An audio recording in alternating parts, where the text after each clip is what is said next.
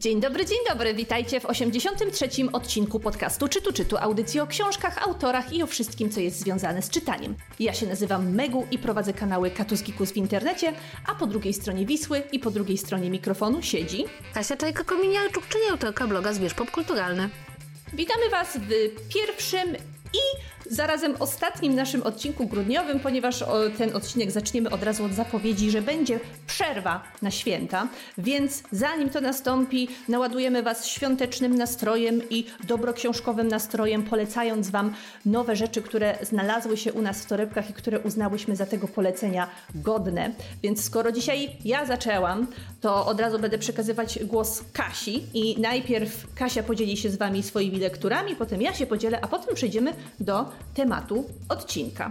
Więc Elo, co tam u ciebie w torebce? Essa, Essa. O mój Boże, Dzisiaj, dzisiaj ogłoszono, wiecie, wiecie, że dzisiaj ogłoszono młodzieżowe słowo roku i Megu postanowiła robić real-time marketing w podcaście. Nigdy więcej, Megu, nigdy więcej. Słuchajcie, a propos real-time marketingu, to ja dzisiaj właśnie moja propozycja jest trochę czymś takim, ponieważ nie wiem, czy wiecie, czy ogłoszono nominację do paszportów polityki. To jedna z kilku takich prestiżowych nagród kulturowych e, w Polsce, innymi nagroda literacka. I wśród nominowanych znalazła się Izabel Szatrawska, której książka Żywot i śmierć pana Hersza Lipkina Sacramento w stanie Kalifornia jest moim zdaniem książką tak wybitnie dobrą, że przeczytałam ją od wczoraj po raz drugi i uznałam, że absolutnie muszę o niej powiedzieć w podcaście, bo to jest taka rzecz, która może wam umknąć, a tymczasem uważam, że jest to jedna z lepszych rzeczy, jaką napisano w Polsce w ostatnich latach. Jestem po prostu absolutnie zachwycona tą nominacją.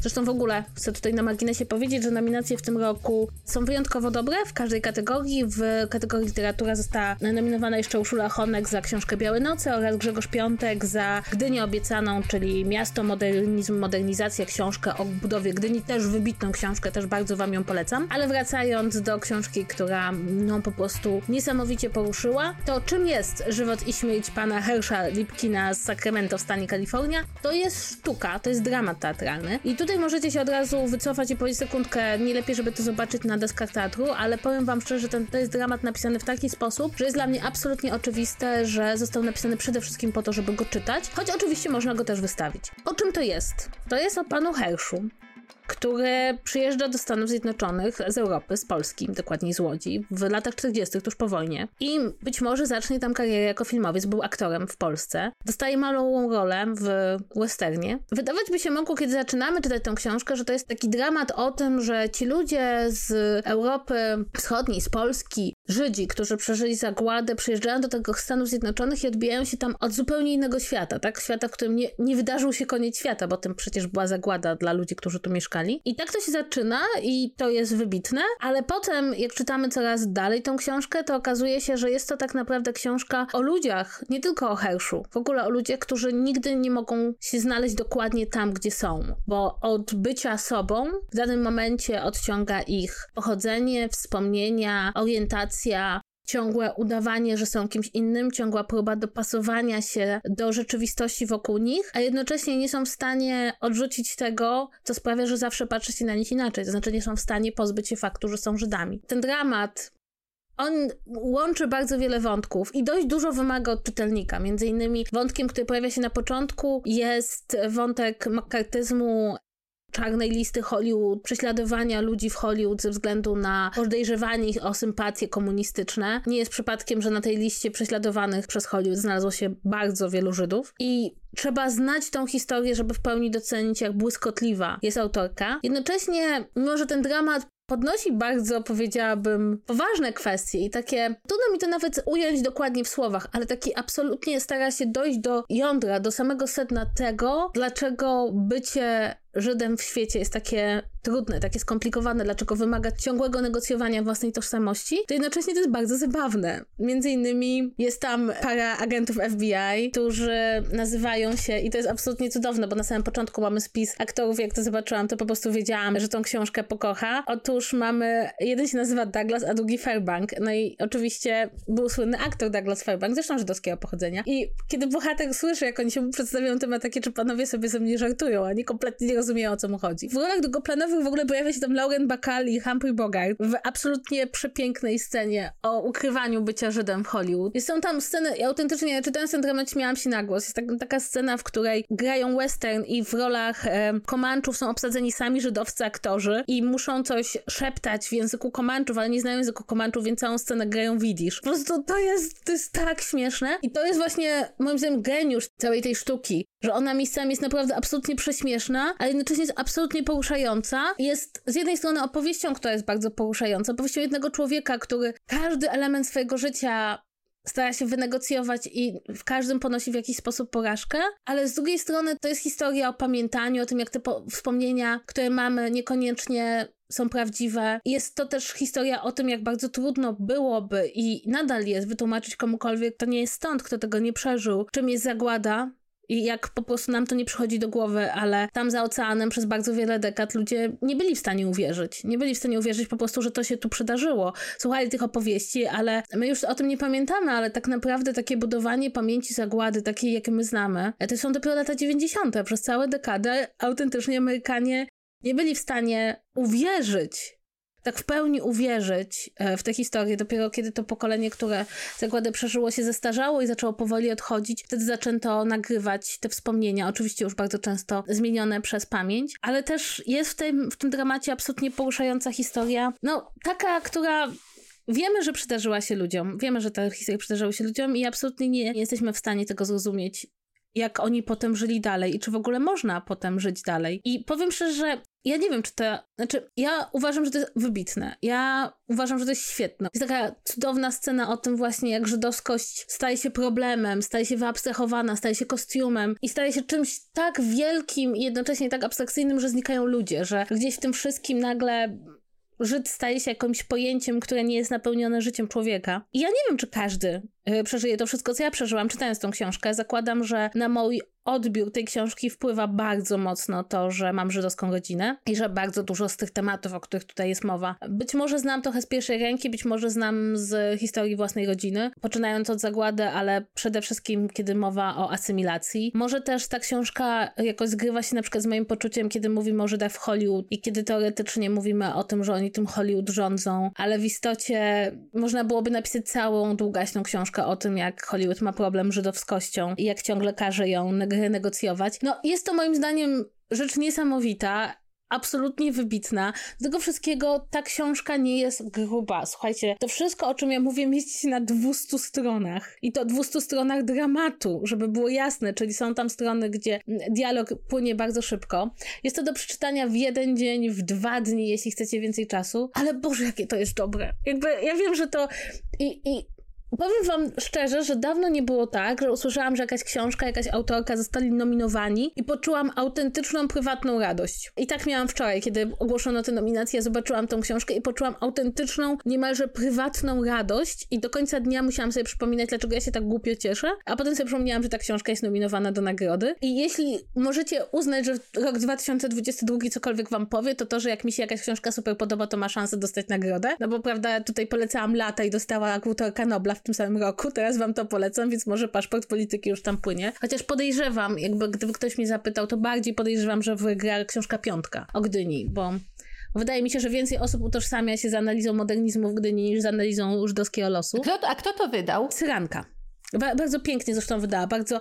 I chcę tylko powiedzieć, że a propos wydania Cyranki, to jeszcze jedno fenomenalna rzecz jest, jest napisane na okładce, kto zrobił projekt okładki. Co o. jest moim zdaniem fantastyczne, jakby brawo dla... W ogóle ja uwielbiam wydawnictwo Cyranka, ono ma bardzo dobrą linię wydawniczą, natomiast bardzo mi się podoba właśnie już nie tylko tłumacze na okładki, ale też autorzy tych okładek. Jakby coraz więcej osób, które się składają na tworzenie książki, ma to swoje nazwisko na okładce, bardzo mnie to cieszy. Natomiast jeszcze chciałam dodać jedną rzecz, że mamy taki zalew zalew teraz opowieści o zagładzie, takich bardzo cukierkowych, takich bardzo, taki, wiecie, Disneyland Holokaustu się nam zrobił. To nie jest moje pojęcie, to jest pojęcie, które e, funkcjonuje w kulturze. Bardzo często sięgamy po rzeczy właśnie takie bardzo mocno osadzone w wojnie, a to jest jeden z takich tekstów, który właśnie wychodzi poza wojnę, który pokazuje to, że nie da się być do końca ocalonym z zagłady. To akurat mogę wam powiedzieć z własnej rodziny, tak? Jeśli ktoś przeżył zagładę, tutaj już po, pochodzenie jest być może trochę drugorzędne, bo podejrzewam, że wielu Polaków, którzy byli w obozach też to mają, ale to zostaje z tobą do końca życia. Jakby zawsze jesteś już osobą, która to przeżyła, która w tym żyła. I ta książka w jakiś sposób tego też dotyka. No, ja jestem po prostu absolutnie zachwycona. Nie wiem, czy ta książka wpłynie też tak na was, ale miałabym autentyczne wyrzuty sumienia, gdybym was nie zachęciła do tej lektury, bo uważam, że po prostu to jest jedna z lepszych rzeczy na ten temat, jaką czytałam od dawna i jestem po prostu pod wrażeniem tego, jakie to jest błyskotliwe. Jedną z pierwszych rzeczy, jaką zrobiłam po przeczytaniu, pobiegłam do internetu sprawdzić, ile lat ma autorka, bo gdyby była młodsza ode mnie, to bym się pochlastała.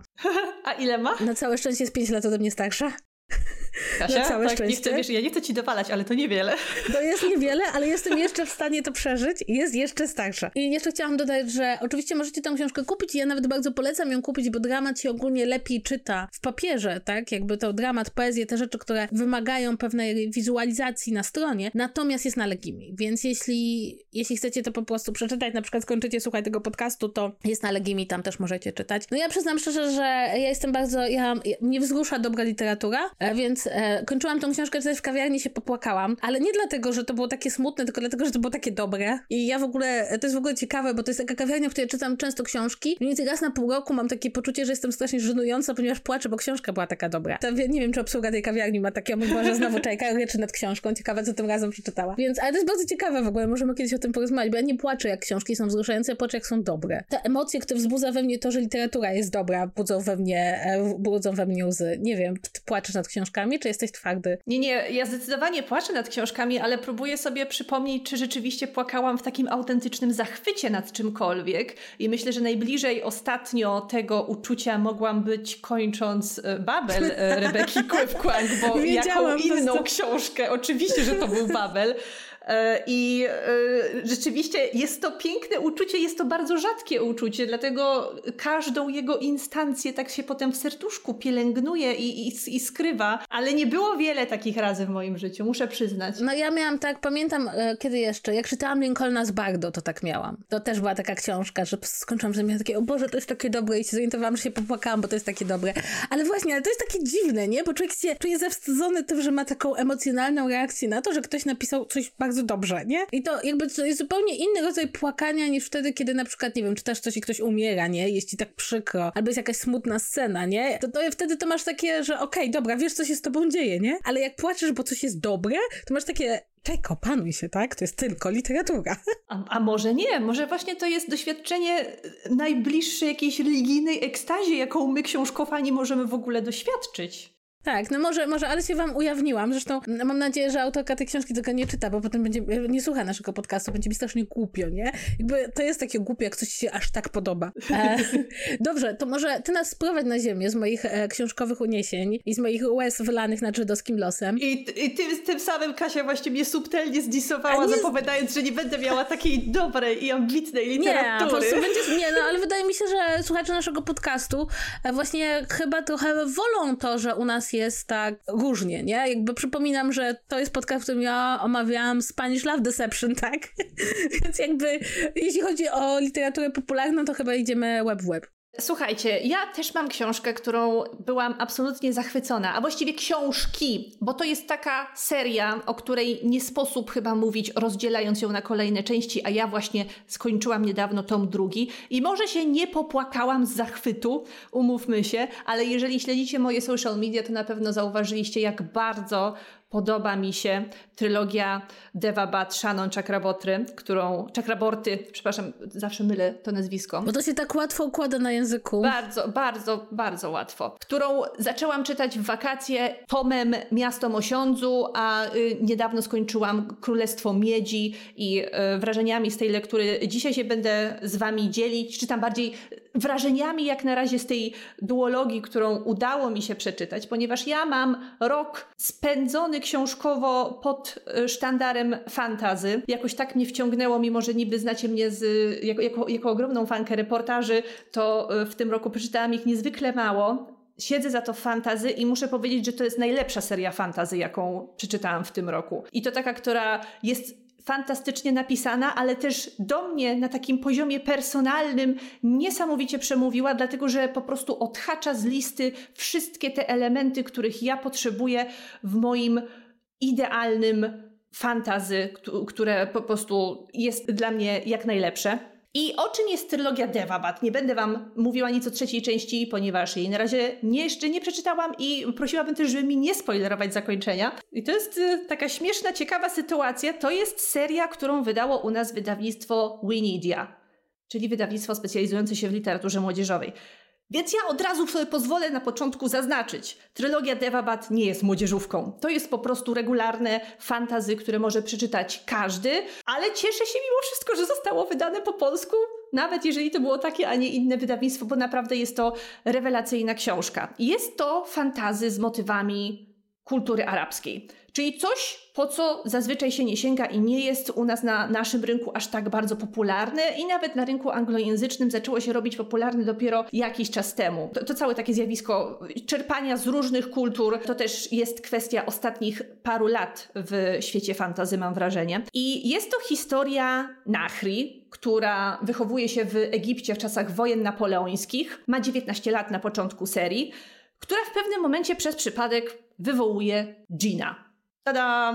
Zaczyna się to, kiedy, kiedy powiem ci takie zdanie, pewnie sobie wyobrażasz, że zaczyna się to jak każdy pierwszy, lepszy, paranormalny romans, jakich było mnóstwo e, w e, świecie e, fantastyki jeszcze parę lat czy paręnaście lat temu. Więc mój zachwyt nad tą książką wynika również z tego, jakie ona założenia u, u nas wywołuje a potem jak pięknie je wywraca do góry nogami. To, to nie jest to, na co wygląda. Nachri po tym, jak wywołuje Gina, okazuje się, że ten Jean wyczuwa w niej jakieś takie pradawne zdolności charakterystyczne właśnie dla magicznych istot. Uznaje, że ona jest jedną z nich, dlatego zabiera ją do magicznego miasta Devabad, zamieszkanego przez dżiny, gdzieś w okolicach, powiedzmy, Iraku, Iranu, gdzieś w tamtych terenach. I dziewczyna, która zostaje wyciągnięta z tego XIX-wiecznego e, Kairu, zostaje sprowadzona na dwór pełen magicznych istot i rzeczywiście okazuje się być potomkinią takiego starożytnego rodu, który w tym momencie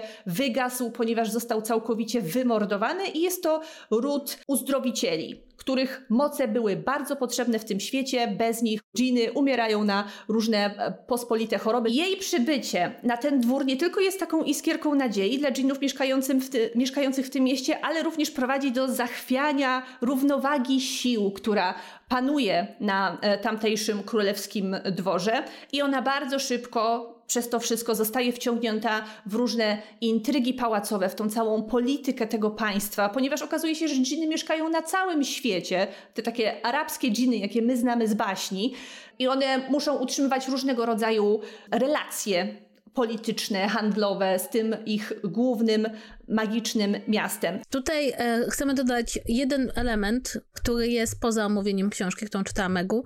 Możecie przez najbliższe czas do końca podcastu być może słyszeć A. mojego kota i B. syna Megu.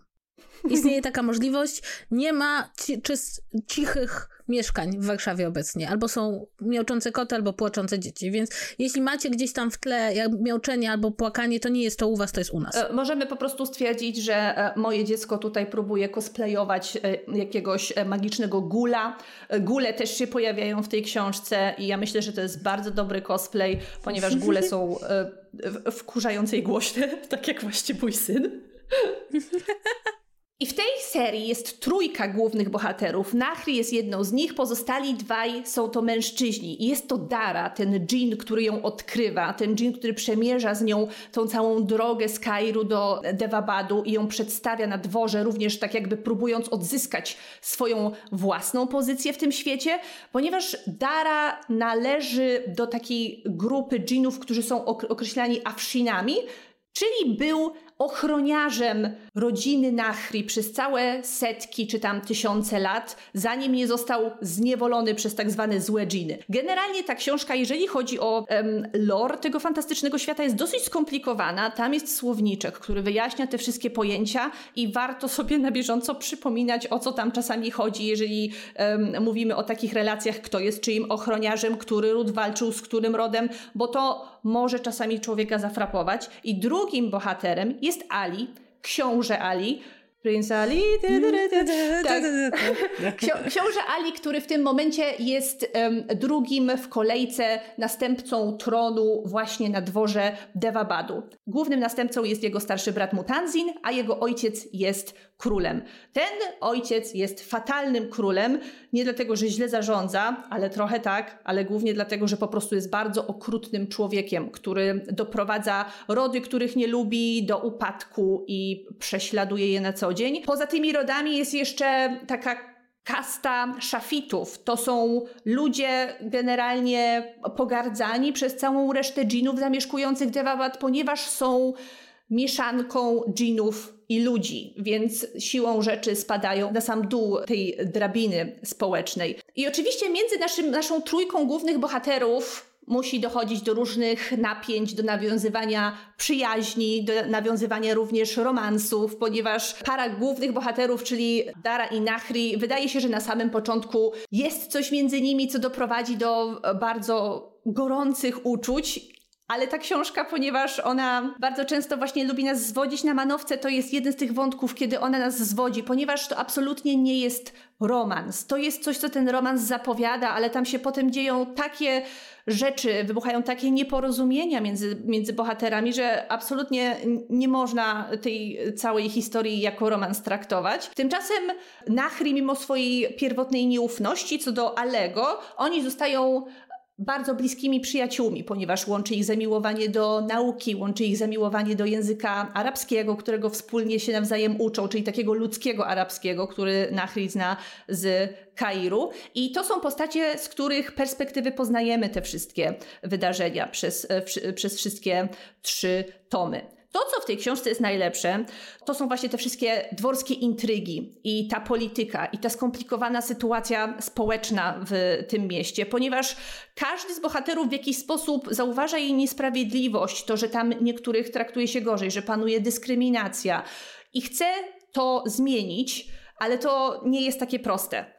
Wpływanie na politykę Devabadu jest bardzo ryzykownym przedsięwzięciem i chyba najlepiej się przekonuje o tym Ali, który jest takim ulubieńcem ludu i on wychodzi do tych biednych na ulicach, wychodzi do tych prześladowanych szafitów i rzeczywiście chce poprawić ich byt, ale mimo bycia synem króla i mimo zajmowania bardzo wysokiej pozycji na dworze nie jest w stanie tego osiągnąć. To jest taki świat, w którym on jest bardzo brutalny i tam są rzeczywiście dosyć brutalne sceny czasami w tej książce, ale myślę, że to adekwatnie pokazuje poziom skomplikowania tego świata, jego kast społecznych i, i tego, że nie ma łatwych rozwiązań, ponieważ ci bohaterowie przez cały czas muszą kalkulować, z kim się dogadać, przed kim się ugiąć, z kim można rozmawiać, z kim nie można rozmawiać. Ich ruchy pociągają za sobą ofiary i jest to na tyle wszystko wyrachowane i wykalkulowane, zwłaszcza ze strony króla, że Nachri podejmując różne decyzje i próbując zmieniać coś w tym Dewabadzie,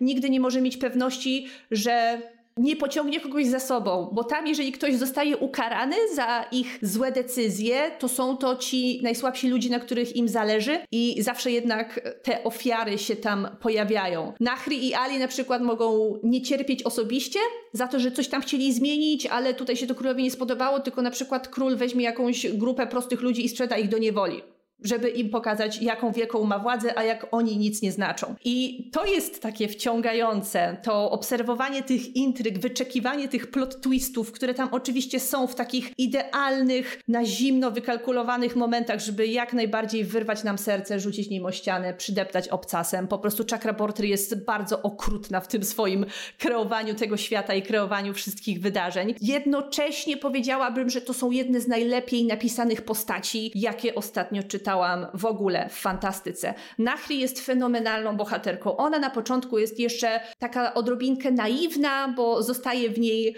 takie bardzo ludzkie i przyziemne przekonanie, że w tym magicznym świecie może być inaczej. Na początku jest nim oczywiście zachwycona tym przepychem, wszystko ocieka złotem, tak? Ona się może uczyć magii, więc to jest dla niej coś nowego, ale bardzo szybko, już na początku pierwszej książki, ona uczy się, że żeby przetrwać w tym świecie, musi po prostu podejmować również e, kontrowersyjne decyzje, że musi też na każdym kroku na siebie uważać i musi po prostu być wytrawną graczką w tej bardzo okrutnej grze. To, co jest ciekawe, to to, że pomiędzy pierwszą a drugą książką jest pięcioletni przeskok, więc nasi bohaterowie jeszcze bardziej się postarzają. W przypadku dżinów to nie ma aż takiego znaczenia, bo oni są nieśmiertelni, ale Nachris tej dziewiętnastolatki czy dwudziestolatki staje się dwudziestopięciolatką.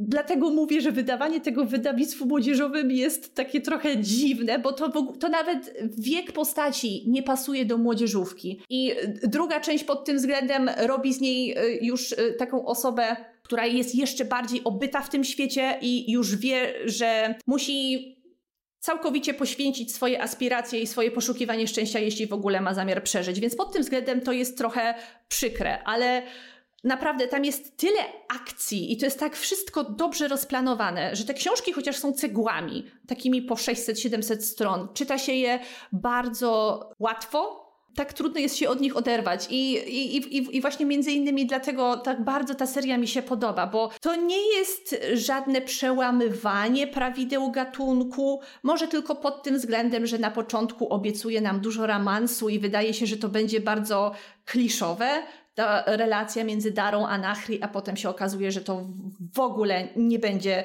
nic w tym stylu. Ale to jest po prostu bardzo dobre takie zręczne zrealizowanie wszystkich prawideł gatunku i wszystkich elementów, które powinno mieć dobre fantazy. Dobrze rozplanowana akcja, świetnie napisani bohaterowie, naprawdę emocjonujące intrygi dworskie i to tak strasznie do mnie trafia, że aż się boję sięgać po tą trzecią część. Nie dlatego, że, się że boję się, że się rozczarowuję, bo po recenzjach zanosi się na to, że będę płakać, że to już się kończy, tylko po prostu nie chcę już sobie... Tak, tak. Nie chcę już sobie odbierać tej przyjemności i nie chcę mieć tego z głowy. Ale naprawdę, jeżeli lubicie dobre fantazy i potrzebujecie kolejnej trylogii w waszym życiu, to trylogia Devabat Wow, no to jest, to jest 5 na 5. Absolutne mistrzostwo. Strasznie mi się podoba. Słuchaj, po prostu jakie, jakie zachęty płyną z naszych ust. Jak widzicie, zostawiamy was przed świętami z wizją, że spędzicie, jeśli posłuchacie nas oczywiście, a należy nas słuchać, że spędzicie po prostu następne dni i tygodnie we wspaniałej atmosferze ze świetnymi książkami, ale właśnie, bo święta to jest taki czas, kiedy książek przybywa. I nie wiem jak ty, ale ja zwykle w okolicach dnia mam takie poczucie, że mam już książek za dużo, a co więcej pojawią się nowe, bo idą święta. Oho, to jest bardzo subtelny sposób, y, y, dzięki któremu Kasia daje nam znać, że na swojej imprezie świątecznej znowu nas obdarzy swoimi starymi książkami i wyjdziemy z jej gratami z imprezy. Zobaczycie, bo to, to się powtarza co roku. Słuchajcie, bo tak, to jest, tutaj może ujawnię wam, że co, co roku przed świętami robię imprezę i w ramach imprezy jest loteria i na loterii można wygrać bardzo różne rzeczy i zwykle Można są to... wygrać. Można to jest, wygrać. To są obowiązkowe wygranie, jakby nie można się wycofać i wygrywa się głównie dary losu, których nie chce. Ale nie, w tym roku nie będzie chyba loterii. W tym roku mam inny pomysł, Megu. W tym roku będzie co innego. O Boże, już, już się, boję. Boisz, już się boisz. Ale nie, ale właśnie przygotowując się na grudzień, pozbyłam się ostatnio ponad 150 książek i chciałabym w ogóle porozmawiać z tą o pozbywaniu się książek, bo mi się wydaje, że to jest jedna z takich psychologicznie najtrudniejszych rzeczy dla ludzi, dla ludzi, którzy mają książki. Między innymi dlatego, że książki mają skłonność do przyrastania, ale już pozbycie się ich z domu wcale nie jest takie proste. I to może nie być proste z kilku powodów. Jednym z nich jest to, że czasem na przykład wynosisz książki z domu, na przykład do jakiegoś takiego punktu na klatce schodowej, na której wymieniasz się z sąsiadami z książkami, a potem na przykład twój mąż przynosi je z powrotem do domu i mówi, zobacz jakie ciekawe książki znalazłem. To się zdarzyło moim rodzicom. Mieliśmy też taką rodzinną tradycję, że odstawiliśmy, była taka półeczka pod śmietnikiem i mój brat kiedyś postanowił pozbyć się książek i odniósł tam książki pod śmietnik, a mój tata właśnie wracał spod pracy i znalazł te książki, przyniósł do domu moich rodziców. I potem mój brat przychodzi do moich rodziców i mówi, ej, dlaczego macie moje książki, których się pozbyłem? Więc to może być po prostu technicznie trudne. Książki po prostu wracają fizycznie do ten. Wiesz co, a może po prostu książki w waszym domu y, były w jakiś sposób przeklęte, bo to totalnie brzmi jak jakaś pradawna klątwa. Prawda, że nie możesz się ich pozbyć. Natomiast jest jeszcze duża bariera psychologiczna, tak? No jak wiemy, istnieje taka zasada, takie hasło, które sobie powtarzamy, że nie wyrzuca się książek, tak? Że tak jak możemy wyrzucić prawie wszystko, co posiadamy, z mniejszymi lub większymi wyrzutami sumienia, tak książek się nie wyrzuca. Często na przykład jak widzimy, są na uwaga śmieciarka jedzie e, takie posty, że na przykład ktoś ewidentnie likwiduje mieszkanie po jakiejś osobie zmarłej i wyrzuca książki i po prostu jest kontener pełen książek i pojawia się od razu cała grupa osób absolutnie jakby poruszona tym faktem, że ktoś wyrzucił książki. Tak, i oni te książki ratują. Nie, że sobie biorą do domu, tylko że trzeba uratować książki. Tak? To, się, to, to się wiąże z tym, że mamy taki e, fetysz książki jako przedmiotu, prawda? Że ona jest taka uświęcona i nie można jej wyrzucić, a z drugiej strony, kiedy chcemy się już jej pozbyć, to się okazuje, że ten przedmiot nie ma tak naprawdę dużej wartości i niespecjalnie ustawia się po nią no, jakaś większa kolejka osób, żeby komuś to oddać bez większej fatygi. I tutaj się okazuje, że trzeba się trochę pofatygować, żeby się pozbyć swoich dużych zbiorów. Tak, to jest rzeczywiście problem i jednym z takich pierwszych rozwiązań, na które oczywiście wszyscy od razu wpadają, jest takie oddaj do biblioteki. I tu chciałabym wam powiedzieć, że oddanie książek do biblioteki jest troszkę trudniejsze niż się może wydawać. Po pierwsze, biblioteki same mają swoje księgozbiory dosyć pokaźne i nie zawsze mają miejsce na nasze książki. Po drugie, wszystko zależy też od tego, jakich książek chcemy się pozbyć. Bo jeśli chcemy się pozbyć nowości, które są świeżutkie, no to okej, okay. myślę, że mało która biblioteka powie, nie, nie chcę twoich najnowszych książek, które przesłało cię wydawnictwo, odejdź. Ale bardzo często chcemy się pozbyć albumów, encyklopedii, książek z lat 80. Tak, jakichś rozpadających się staroci, to nie, na, nie w najlepszym stanie, prawda? Tak, albo też książek, które zostały wydrukowane w takim po prostu nakładzie, że każda biblioteka ma ich już za dużo, tak? Bo też nie ukrywajmy, że bardzo często pozbywamy się książek właśnie porządkując te starsze tomy. No i słuchajcie, i to jest jakby dosyć duży problem, to znaczy wizja, że zawsze można oddać książki do biblioteki. Najlepiej się skontaktować ze swoją lokalną biblioteką, do niej po prostu zadzwonić i zapytać, czy chce wasze książki, a jeśli tak, to jakie. No ale też nie ukrywajmy, to nie jest prosty i szybki mechanizm, tak? On wymaga trochę naszego zaangażowania, więc to jest jeden, jedna droga, że się tak wyrażę. Drugą taką drogą, która od razu się nasuwa na myśl, kiedy myślimy o pozbywaniu się książek, jest pójdę do antykwariatu. I jest tam zawsze taka myśl z tyłu głowy, że u, może jeszcze coś na tym zarobię. Tymczasem antykwariaty też nie są chyba takie chętne do tego, żeby przyjmować absolutnie wszystko, co zalega u nas na półkach, a nawet jeżeli przyjmą, to kokosów z tego nie będzie, bo ponieważ oddajemy często stare książki, no to one są, umówmy się, warte, chciałam powiedzieć grosze, ale wydaje mi się, że są warte tyle co nic tak naprawdę. Tak, jest całe mnóstwo książek, które fizycznie są warte tyle co nic. I tutaj oczywiście możemy korzystać ze skupów książek, bo istnieją skupy książek. Na przykład jednym z takich e, skupujących w Polsce miejsc jest Tezeusz. Ja jakby korzystałam z ich usług, więc mogę o nich mówić. E, ludzie z Tezeusza albo wysyłamy im listę książek, które posiadamy, albo oni przychodzą i oceniają po prostu półki. Tylko przygotujcie się od razu, że sprzedanie książek przez Tezeusza to są żadne pieniądze. I ja już e, pamiętam, jak się przeprowadzałam z mojej kawalerki tutaj do mieszkania, w którym obecnie mieszkam, to też sprzedawałam książki z Tezeuszem. Zresztą pamiętam, że jak przyszli tacy dwaj młodzi panowie, spojrzeli na taki olbrzymi stos książek, które sprzedawałam i zapytali mnie, czy tu mieszka jakaś starsza pani przede mną i to jakby sprawiło, że się śmiesznie poczułam. Więc tak, oczywiście istnieją skupy książek, ale one są przydatne wtedy, kiedy, nie wiem, likwidujemy mieszkanie, kiedy się przeprowadzamy, kiedy naprawdę chcemy się pozbyć książek. Wiele osób uważa, że sposobem na łatwe pozbycie się książek jest je sprzedanie ich przez Vinted. To nie jest łatwy i prosty sposób. Ponownie jakiś czas temu postanowiłam wypróbować go. E, mój pomysł był taki, że wszystkie książki, które miałam do sprzedania wystawiłam za 10 zł, czyli absolutnie nie po to, żeby zarobić. To były książki, które były jeszcze w księgarniach bardzo często i kosztowałyby 4 czy 5 razy tyle. I tak, one się sprzedały bardzo szybko, w bardzo dumpingowej cenie, tylko teraz słuchajcie, po tym jak taka książka się sprzeda, no to musisz e, ją spakować, nakleić, wydrukować, zanieść do paczkomatu. I jak zaczęłam liczyć różne rzeczy, które wydałam, żeby móc je, te książki wysłać, no to musiałam sobie odliczyć 40 zł od chyba 170, które zarobiłam i nagle, nagle zrobiła się to jeszcze mniejsza rzecz. I wydaje mi się, że dobrym metodą sprzedawania na Vinted jest wtedy, kiedy na przykład, nie wiem, mamy 20 książek, żeby się ich pozbyć, tak? I, i możemy je wszystkie sprzedać w niskiej cenie w jednym momencie, bo to też plus, że ja te wszystkie książki sprzedałam plus minus w jednym momencie, więc to były dwie wycieczki do paczkomatu, tak? No ale mm, rozmawiałam z innymi osobami, które mówią, że jeśli się wystawia nie nowości i w takich cenach, rzekłabym, bliżej rynkowych, to to strasznie wolno schodzi. No też dlatego, że e, bardzo duże przeceny mają obecnie księgarnie, więc czasem się bardziej ludziom opłaca kupić rzecz po prostu, nie wiem, w taniej książce czy w Bonito niż szukać czegoś na Vinted, które zresztą nie zostało do tego stworzone. Podobnie możemy sprzedawać książki na Allegro, bardzo dużo osób sprzedaje książki na Allegro, no ale to też wtedy to jest trochę taka działalność na boku, do której musimy przyłożyć trochę bardziej, no bo taką książkę trzeba obfotografować, opisać i w jakiś sposób, prawda, wstawić i pilnować tego, jak to tam się układa. No, tam generalnie każda akcja sprzedaży książki wymaga od nas jednak trochę pracy, bo na, umówmy się, nawet wyjście do biblioteki, zaniesienie książek do antykwariatu wymaga ruszenia tyłka z fotela, małego zainteresowania się tą sprawą i przynajmniej u mnie to się właśnie na tym etapie najczęściej rozbija, bo ja nie ukrywam, że mnie się nie chce. Dlatego byłam zmuszona do pozbycia się książek takiego dużego z mieszkania raz i to było jeszcze na starym mieszkaniu w naszej kawalerce, kiedy przed urodzeniem dziecka musieliśmy się pozbyć dużego regału Kalaksa, takiego 5 na 5 który przez wiele lat służył jako, moje tło do nagrań i jako podstawowa biblioteczka.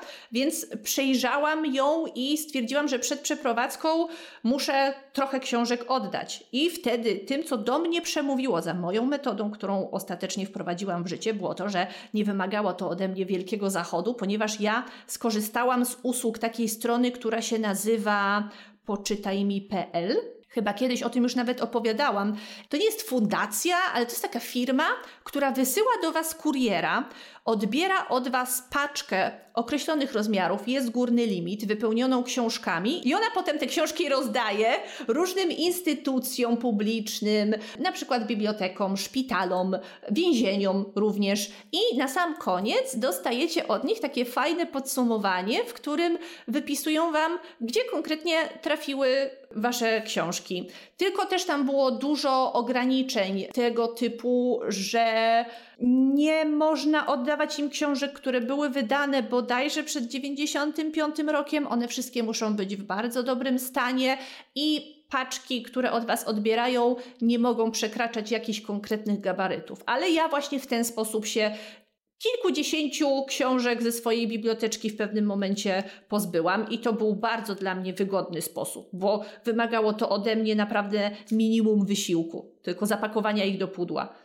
Tak, to są zawsze dobre, dobre metody, zresztą inne, w ogóle z, jest bardzo dużo e, organizacji, firm, które zbierają książki, zbierają książki właśnie dla szpitali, więzień, dla domów samotnej matki. E, jakiś czas temu była taka akcja w Krakowie, wydawnictwo i księgarnia Charakter zbierały książki dla oddziału psychiatrycznego szpitala, e, dla młodzieży, która jest w oddziałach psychiatrycznych. No i pamiętam, że już po dwóch dniach działania tej akcji to byłam zła, bo strasznie bym chciała oddać te książki, tylko że to było w Krakowie tylko. Zaczęły się pojawiać obostrzenia, prawda, czego nie przynosić. I to też jest jeden minus oddawania książek w najróżniejszych akcjach, to znaczy bardzo łatwo jest pozbyć się nowych książek w ten sposób, takie, które są w dobrym stanie, takie, które rzeczywiście mogą się jeszcze komuś przydać. No bo słuchajcie, jeśli nawet przekazujecie książkę na akcję charytatywną, no to to jest dokładnie ten sama zasada powinna wam towarzyszyć, jak przy przekazywaniu każdego innego produktu, tak? Czyli to nie jest śmietnik, tylko to jest produkt, który może jeszcze żyć, czyli nie dajemy książek, które są, nie wiem, popisane, porysowane, w talnym stanie, sczytane, e, stare, jakby też pamiętajmy komu dajemy, tak? Jeśli jest zbiórka, powiedzmy, nie wiem, właśnie dla więzienia, to dajemy raczej kryminały, a jeśli dla domu samotnej matki, no to jeśli stoją u nas na półce romanse, jest ok. I ja wiem, że to jest stereotyp, ale ludzie jakby w, w dużej masie się w stereotypy wpasowują. No jeśli prześlecie 40 harlekinów do więzienia, to one zostaną być może przeczytane,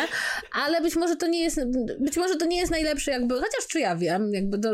Jeżeli to jest kobiece więzienie. Może, ale do męskiego może panowie też pragną, pragną odrobiny miłości. W każdym razie, to jest jakby ważne, że jeśli pozbywamy się książek nowych. Natomiast e, jest rzeczywiście problem z książkami starszymi, i bo jest ich w bardzo wielu domach, jest bardzo wiele książek na półkach tych samych, takie, które już rzeczywiście nie mają miejsca ani w bibliotekach, ani nawet w tych bibliotekach właśnie przyzakładowych, no bo nie ukrywajmy, że ileż, ileż można mieć, nie wiem, egzemplarzy potopu e, w, w swojej tak, bibliotece. ale to nawet nie chodzi o literaturę, to są takie książki, które po prostu już w dzisiejszym świecie powiedzmy nie mają racji bytu jak dla mnie. Książka kucharska z lat 60. albo jakieś biuletyny z tamtego okresu, nie wiem, jakieś książki techniczne o budowach maszyn, nikomu się już raczej nie przyda i to jest taki moment, w którym musimy zacząć bawić się w głowie taką myślą, że może książka to nie jest taki aż tak bardzo święty przedmiot, żeby nie mógł wylądować na śmietniku albo na makulaturze. I tutaj,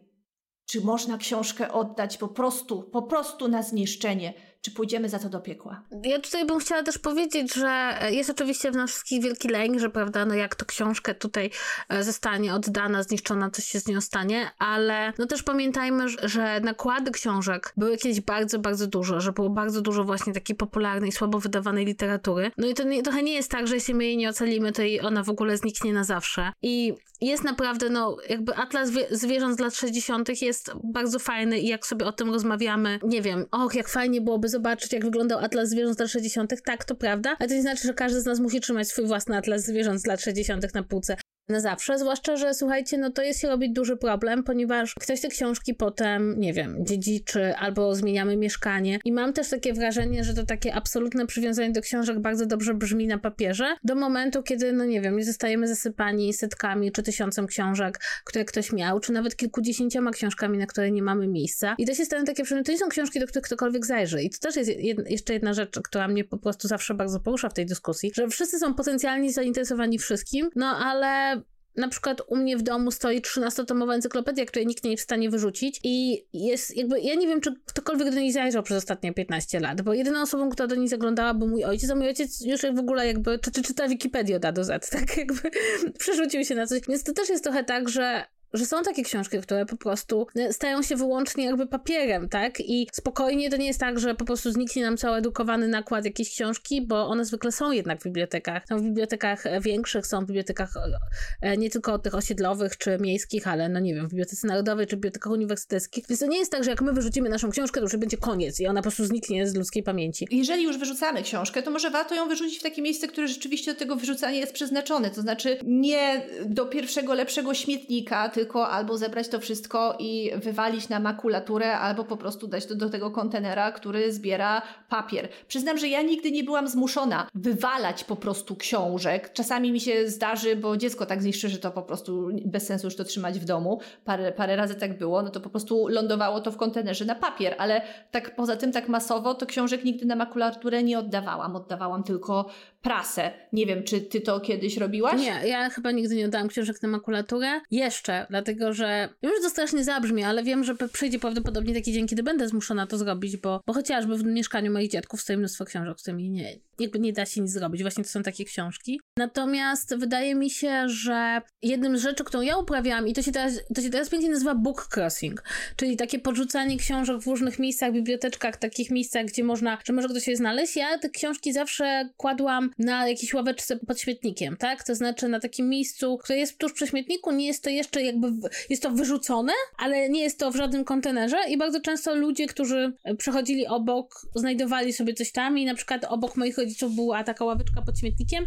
gdzie jak kiedyś na po prostu położyliśmy tam dzikie stosy książek, wracamy po pół godzinie, tych książek nie ma. Nie wiemy, czy wzięli je ludzie, którzy przechodzili obok, czy wziął je ktoś, kto sam je zawiózł na makulaturę, bo też mógł uznać to za dobry deal, ale zniknęły, jakby absolutnie jak, jak ręką audio. No jest to trudne psychologicznie. Ja się zgadzam z tym, że dla bardzo wielu osób, zwłaszcza takie, które same budują całą tą swoją biblioteczkę, jakby nigdy nie miały sytuacji, w której byłoby tych książek za dużo, sama wizja, że można byłoby książkę wrzucić jest bardzo, bardzo trudna psychologicznie, ale no jest prawdą, że tych książek jest po prostu bardzo dużo fizycznie i one zajmują bardzo dużo miejsca i nie może być tak, że masz przedmiot, którego się nie możesz pozbyć, tak? A jest trochę takich książek, których nie da się oddać do biblioteki. Jakby ja, no. ja cały czas mam wrażenie, że taka nasza wizja, że każdą książkę da się oddać do biblioteki, no nie, to to niekoniecznie, niekoniecznie tak wygląda.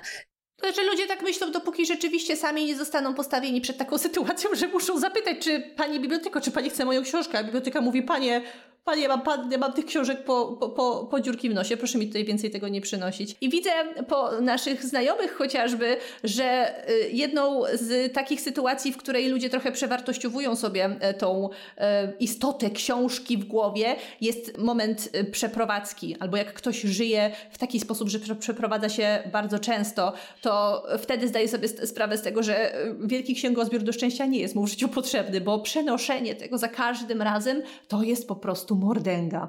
Tak, to znaczy w ogóle to jest e, dyskusja, którą jeszcze. A, ja chciałam powiedzieć, że mówimy o wyrzuceniu książek jako takim ostatniej desce ratunku, tak? To znaczy, kiedy nie uda ci się oddać, kiedy nie uda ci się sprzedać, kiedy nie uda ci się wystawić, nie wiem, na Facebook Marketplace czy w jakiejś grupie, która się wymienia książkami. No, śmieciarka jedzie. śmieciarka jedzie, no to wtedy, tak? Jakby nie mówimy, że zaczynamy od tego.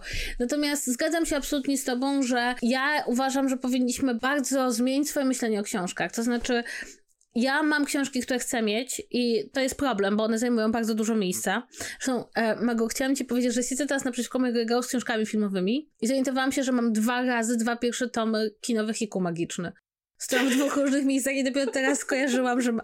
E, e, tutaj przepis jest taki, że kiedyś nie było, nie, nie było sposobu dostać pierwszych tomów kinowych jako magiczny i jak je zobaczyłam dwa razy w księgarni, dwa razy się ucieszyłam i dwa razy kupiłam. Dobrze, no ale wracając do, do kolekcjonowania książek, no to oczywiście mamy jakieś tam kolekcje, mamy jakieś książki, na których nam zależy, z których korzystamy, do których zaglądamy, ale poza tym ja uważam, że należy być osobą, która jednak ogranicza swój księgozbiór. To znaczy, ja na przykład bardzo mocno stawiam na to, żeby mieć książki o filmie, żeby mieć książki o telewizji, żeby mieć książki o historii kina, filmoznawcze, bo ja z nich korzystam, tak? One chodzą, one, ja, ja, do nich zaglądam, tak? One nie stoją na półce tylko po to, żeby ładnie wyglądały, one ciągle schodzą tam gdzieś, są mi potrzebne. Natomiast jeśli mam powieści, no to żeby powieść została już u mnie na półce, żeby reporta, żeby, nie wiem, tomik poezji został mi na półce, to on musi jakby przejść, powiedziałabym, bardzo dużą weryfikację, no bo jesteśmy już teraz takich, w takim momencie, że po prostu możemy to mieć w formie cyfrowej, możemy to mieć jako e-booka, i ja uważam, że jakby takie gromadzenie książek, takie po prostu jak kiedyś, prawda, no nie było innego wyjścia, trzeba było mieć te książki. Ja uważam, że bardzo warto to przemyśleć. Można iść tak jak ty, po prostu bardzo piękne wydania, bo ty, ty się koncentrujesz na tym, że te książki, które lubisz, masz w bardzo pięknych wydaniach. Tak. Ja doszłam w pewnym momencie do takiego wniosku, że ja będę miała na półkach, będę kupowała, jeżeli chodzi o nowe książki, tylko takie, które znam i które mi się bardzo podobały i tylko jeżeli są w twardej oprawie, w bardzo ładnym wydaniu, a poza tym jeżeli mnie śledzicie w social mediach, to e, pewnie o tym wiecie. Ja zaczęłam, e, zapisałam się na parę subskrypcji książkowych e, brytyjskich, takich, które specjalizują się w specjalnych, ekskluzywnych wydaniach nowych książek fantazy głównie i one przychodzą właśnie w twardej oprawie, w pięknie zaprojektowanej obwolucie, jeszcze z barwionymi brzegami i z obrazkami na tych brzegach, więc takie książki tylko i wyłącznie w tym momencie um, kupuję. I na, kiedy próbuję sobie teraz przypomnieć, kiedy ja ostatnio kupiłam jakąś książkę dla siebie, taką y, rzeczywiście, żeby za nią zapłacić, a nie, że też poprosiłam wydawnictwo, żeby mi nie przesłało do recenzji, no to to, były te, de, to była ta trylogia Devabat. I to było w maju? W czerwcu i, i to był ostatni raz, kiedy ja y, kupowałam tak książki sama dla siebie, bo też stwierdziłam, że mam Legimi, którego bardzo często używam, mam audiobooki, nie potrzebuję mieć każdej książki w formie fizycznej, nawet prowadząc y, Bookstagrama, nawet mówiąc o książkach na TikToku, to nie jest mi potrzebne do szczęścia, a w ogóle już w tym momencie wydawanie pieniędzy na coś, co jest paperbackiem, czyli na coś, co ma miękką okładkę, jak, jak psu z gardła wyjętą, to jest dla mnie takie marnotrawstwo pieniędzy, więc tego całego trendu w internecie polegającego na po prostu robieniu wielkich book holy i zamawiania z księgarni całych stosów książek w miękkich okładkach kompletnie nie rozumiem, bo wydaje mi się, że to w dzisiejszych czasach kompletnie nie ma racji bytu i raczej bym próbowała u siebie takie zachowania ograniczyć. Też sama nie jestem do końca pewna tego, czy te moje, wiesz, odruchy robienia tej kolekcji E, ekskluzywnych wydań jest do końca dobre. Problem polega na tym, że nie każda książka, która jest wydawana w tych subskrypcjach, to jest koniecznie to, co chcę mieć, ale czasem ją biorę, bo nie da się pominąć kolejnego miesiąca w subskrypcji, ale właśnie liczę na to, że może uda mi się trochę ich odsprzedać na Vinted, bo akurat te ekskluzywne wydania, które w Polsce są, dosłownie parę osób je ma, bo mało osób ma te subskrypcje, no to to jest akurat coś, co myślę, że się e, ma szansę sprzedać. No ja z kolei przyznam szczerze, że ja też e, zbierając książki o kinie postanowiłam zrobić taką, taki mały krok w tył, bo miałam przez chwilę taką wizję, że będę miała wszystko i zrobiłam straszliwą rzecz, to znaczy polubiłam nowości filmoznawcze na Facebooku, które donoszą, co nowego filmoznawczego wyszło najgorzej, bo człowiek chce mieć wszystko, ale na przykład tylko e, w ostatnich miesiącach skorzystałam z takiego bardzo dobrego antykwariatu z książkami filmowymi anglojęzycznego i zrobiłam to tylko raz i nie zrobię tego więcej, bo tych książek jest bardzo dużo, jest taka ciągota, żeby ich kupować coraz więcej, więcej, więcej, więcej, żeby ich mieć coraz więcej, no ale nie, jakby to nie o to chodzi, żeby książek mieć dużo, Chodzi o to, żeby te książki czytać. Powiem wam szczerze, że ja i tak zmagam się z, ze strasznymi rzeczami, typu na przykład 40 egzemplarzy własnej książki. Najgorzej. Masz Jakby, to wszystko w domu. To jest najgorsze, to są egzemplarze autorskie są najgorsze, słuchajcie. Chcę powiedzieć, albo jest ich za dużo i nie masz ich gdzie postawić, albo jest ich za mało i nagle się okazuje, że nie masz własnej książki. Nigdy Ale po co ci to wszystko? Ty nie możesz rozdać tego znajomym? Nie, żebym sugerowała z góry, przepraszam wszystkich twoich znajomych, jeżeli podsunęłam ci właśnie jakiś idiotyczny pomysł, nie rób tego, nie dawaj nam tych książek na swojej imprezie świątecznej, błagam. Słuchajcie, wiesz to, bo kwestia że egzemplarze autorskie są potrzebne, bo są potrzebne, żeby je rozdawać osobom, które jakby powinny je dostać, czasem są potrzebne do wywiadu, jakby w życiu się ogólnie przydają. Natomiast to zależy, czego masz egzemplarze autorskie, bo na przykład, no ja jakby na przykład wszystkie egzemplarze autorskie mam nadzieję mi się rozeszły, tak? Nie mam już egzemplarzy autorskich, mam nadzieję. Mam dużo egzemplarzy autorskich Oscarów, bo one miały wznowienie. Natomiast wyobraź sobie, kiedyś udzieliłam wywiadu w filmie Inkmer, która potem wydała te wywiady w takiej książeczce. E, to są bodajże jakieś życia twórców, czy rozmowy z twórcami i ja mam 20 egzemplarzy tego chujostwa. Przepraszam, przepraszam, że tak to nazywam, ale wyobraźcie sobie, że otwieracie szafkę i wypada na ciebie 20 egzemplarzy książki, w której jest wywiad z tobą, ale to tyle, nie? Jakby ja nie potrzebuję tego w 20 egzemplarzach. Komu ja to mam dawać? No nie, jakby ktoś obcy, jakby zrobię tak. Kurierom, każdy, kurierom. każdy na imprezie dostanie tą książkę. Każdy. Nie będzie. Bardzo was przepraszam. Nie będzie wyjścia. Znajomi moi i Kasi. Przepraszam, to moja wina tylko na siebie. Ale tak, ale to jest oczywiście problem, powiedziałabym, wąskiej grupy osób. Ale uważam, że tak, że mm, istnieje takie powiedzenie, że kupowanie książek i czytanie książek to są dwa zupełnie różne hobby. E, I bardzo często o tym kupowaniu książek i trzymaniu tych książek w domu mówi się w takim bardzo luźnym atmosferze, że to jest bardzo fajne, że ktoś ma dużo książek i ma ten stos wstydu i przynosi książki z regału na kanapę. Ale słuchajcie, ale to jest wciąż jakiś nadmiar. Mówię to patrząc na raz, dwa, trzy, cztery 4, 5, 6, 6 regałów książek, ale ci, e, życie w przedmiotach i i ja mówię to z doświadczenia i to doświadczenia jakby też nie tylko, że ja mam dużo książek, ale też kolejne domy, w których byłam rodzinne, miały bardzo dużo książek i u moich dziadków książki były nawet w kuchni, mm, były tam regały z książkami i to nie jest dobre. To po prostu nie jest dobre. Jakby dobrze jest cały czas dbać o ten nasz księgozbiór, wyrzucać rzeczy, których nie potrzebujemy, ewentualnie zbierać wyłącznie takie książki, które są związane z jakimś tematem, który nas interesuje, albo tak jak ty. To są bardzo konkretne wydania, ale jakby rzucanie się na książki i łapczywe zbieranie wszystkiego, co jest, to jest tak samo jak życie ze stosem ciuchów, tak naprawdę. Tak, myślę, że dopiero teraz y, tak naprawdę zaczynamy dojrzewać do takiego wniosku, że istnieje pewnego rodzaju szkodliwe uzależnienie od kupowania po prostu rzeczy, taki zakupoholizm i istnieje też książkowy zakupoholizm, który sprawia, że po prostu jesteśmy jak tacy horderzy, którzy tylko otaczają się kolejnymi stosami książek, które pewnego dnia się przewrócą i nas zabiją. I myślę, że jest szansa na to, że w następnych latach zacznie jednak dochodzić do głosu ten książkowy minimalizm i takie apele właśnie takie, jak my w tym momencie wystosowujemy, żeby zwrócić uwagę na to, ile się tych książek kupuje, kupuje że może nie warto kupować ich aż tyle i warto przemyśleć swój księgozbiór i może części tych książek się jednak pozbyć, bo zauważam właśnie takie pierwsze głosy, które się pojawiają również w tym środowisku takich zapalonych książkar, i podoba mi się ten trend, że te osoby właśnie zauważają, że chyba trochę przegięły i zaczynają wyprzedawać swoje księgozbiory i też trochę edukować na temat tego, panie i panowie, w ostatnich latach przegięliśmy trochę z tym kupowaniem książek, że warto się przerzucić na wersje e, elektroniczne. Tak, no i oczywiście, żeby było jasne, jeśli lubicie kupować książki, to możecie na przykład, i to też jest bardzo fajne, umówić się ze znajomymi, którzy lubią te same książki co wy i na przykład kupujecie jeden egzemplarz na spółkę i czyta go kilka osób, jakby to jest cudowne w książkach, że to nie jest tak, że jak jedna osoba przeczyta, to już następna nie może. Ja tak robiłam w czasach studenckich, że rzeczy, na które nie było mnie stać, kupowałam na spółkę i to zabrzmi strasznie, ale to były głównie tomy poezji, jakieś takie lepsze. Jak mnie nie było stać na jakiś, pamiętam, że Achmatową kupowałam na spółkę ze znajomym, bo nas nie było stać. Boże, jakby strasznie to brzmi, ale to też jest jakieś wyjście, tak? Znaczy nie wszystko musimy mieć we współczesnym świecie tylko dla nas i tylko na własność. Też e, oczywiście biblioteki nie mają jakichś tam zasobów super nowości przynajmniej te poza dużymi miastami, ale też warto właśnie poszukać sposobu, żeby dotrzeć do książki nie tylko przez jej kupienie i posiadanie na własność i tylko czytanie jej samemu. I to jest taka nasza myśl przed świętami, na które prawdopodobnie część z Was dostanie mnóstwo książek i się bardzo ucieszy. No ale właśnie, być może dlatego dobrze o tym mówić teraz, żeby zrobić na tych książek miejsce na swojej półce. Na przykład. Nie wiem, czy ty sobie zażyczyłaś książkę pod choinkę. Ja tam chyba sobie jakieś dwie wypisałam, że fajnie byłoby je dostać, więc yy, niby tak gadamy, gadamy, a wcale nie przestrzegamy tego, co same mówimy.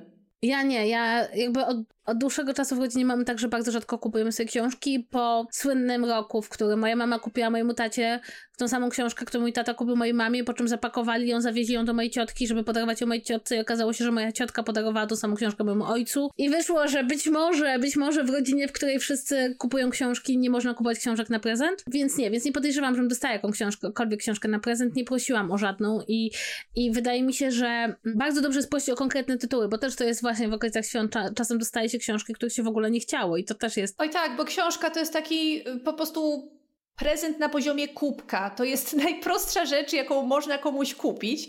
Więc yy, to jest jedna z pierwszych rzeczy, które przychodzą ludziom do głowy, kiedy muszą dla kogoś wymyślić prezent. To, to nie, to ja poprosiłam o konkretną, bo ja mam taką politykę od lat, że ja po prostu mówię konkretnie, co można mi kupić, żeby ułatwiać życie innym i sobie. Polecam ten sposób, jest świetny. Tak, to ja się zgadzam, że jeśli już chcemy dostawać książki pod choinkę, to mówmy konkretnie o konkretnych tytułach. To nie jest tak, że jak będziemy wiedzieli, że dostaniemy fajną książkę pod choinkę, to ją się będzie gorzej czytało. I będziemy tak już powoli szły w kierunku końca tego odcinka. E, dlaczego was porzucamy na święta? Bo się rozjeżdżamy na święta i będziemy w najróżniejszych miejscach i słyszałyśmy podobno, że nie wypada wyciągać mikrofonu w trakcie Wigilii i po prostu między barszczykiem a łóżkami e, e, nagrywać odcinka, więc postanowiłyśmy sobie zrobić wolne. Mamy nadzieję, że pod choinką znajdziecie mnóstwo pozycji, które chcecie i które będą ciekawe i że znajdziecie dla nich miejsce na swoich półkach. A może w czasie przeszukiwania półek znajdziecie jakąś książkę, której ktoś bardzo by chciał mieć, a wy już jej nie potrzebujecie, bo książka z drugiej ręki na prezent to też jest bardzo dobra książka, bo liczy się przede wszystkim myśli i uczucie, a nie tylko, żeby rzecz była najnowsza, bo to też warto pamiętać. I co? I czy mamy dla was jeszcze jakieś informacje, życzenia i prośby? Oczywiście życzymy wam samych wesołych świąt, żebyście jak najmilej spędzili czas z rodziną i dziękujemy wam bardzo za ten wspólny rok, który z nami spędziliście słuchając tutaj naszych wywodów, rozkmin, dram i imp różnych różnego rodzaju. Na początku roku jeszcze robiłyśmy to dosyć nieregularnie, później się wzięłyśmy za siebie i myślę, że ta końcówka to już tak aż y, same siebie i Was zaskoczyłyśmy tym, jak regularnie udawało nam się od, odcinki publikować. Więc liczymy, że nasze polecajki Wam się w tym roku przydały i mamy nadzieję, że będziecie z nami również w przyszłym roku, kiedy wrócimy do wciąż regularnego recenzowania i polecania Wam dobrych książek i dramienia wokół tych książek, które były złe i fatalne. Więc oby przyszły rok był dla nas równie przełomowy i obfitujący w ciekawe książki jak ten, a Wam bardzo dziękujemy za to, że wciąż jesteście z nami. Do usłyszenia w przyszłym roku. Pa, pa! Wesołych świąt! Pa!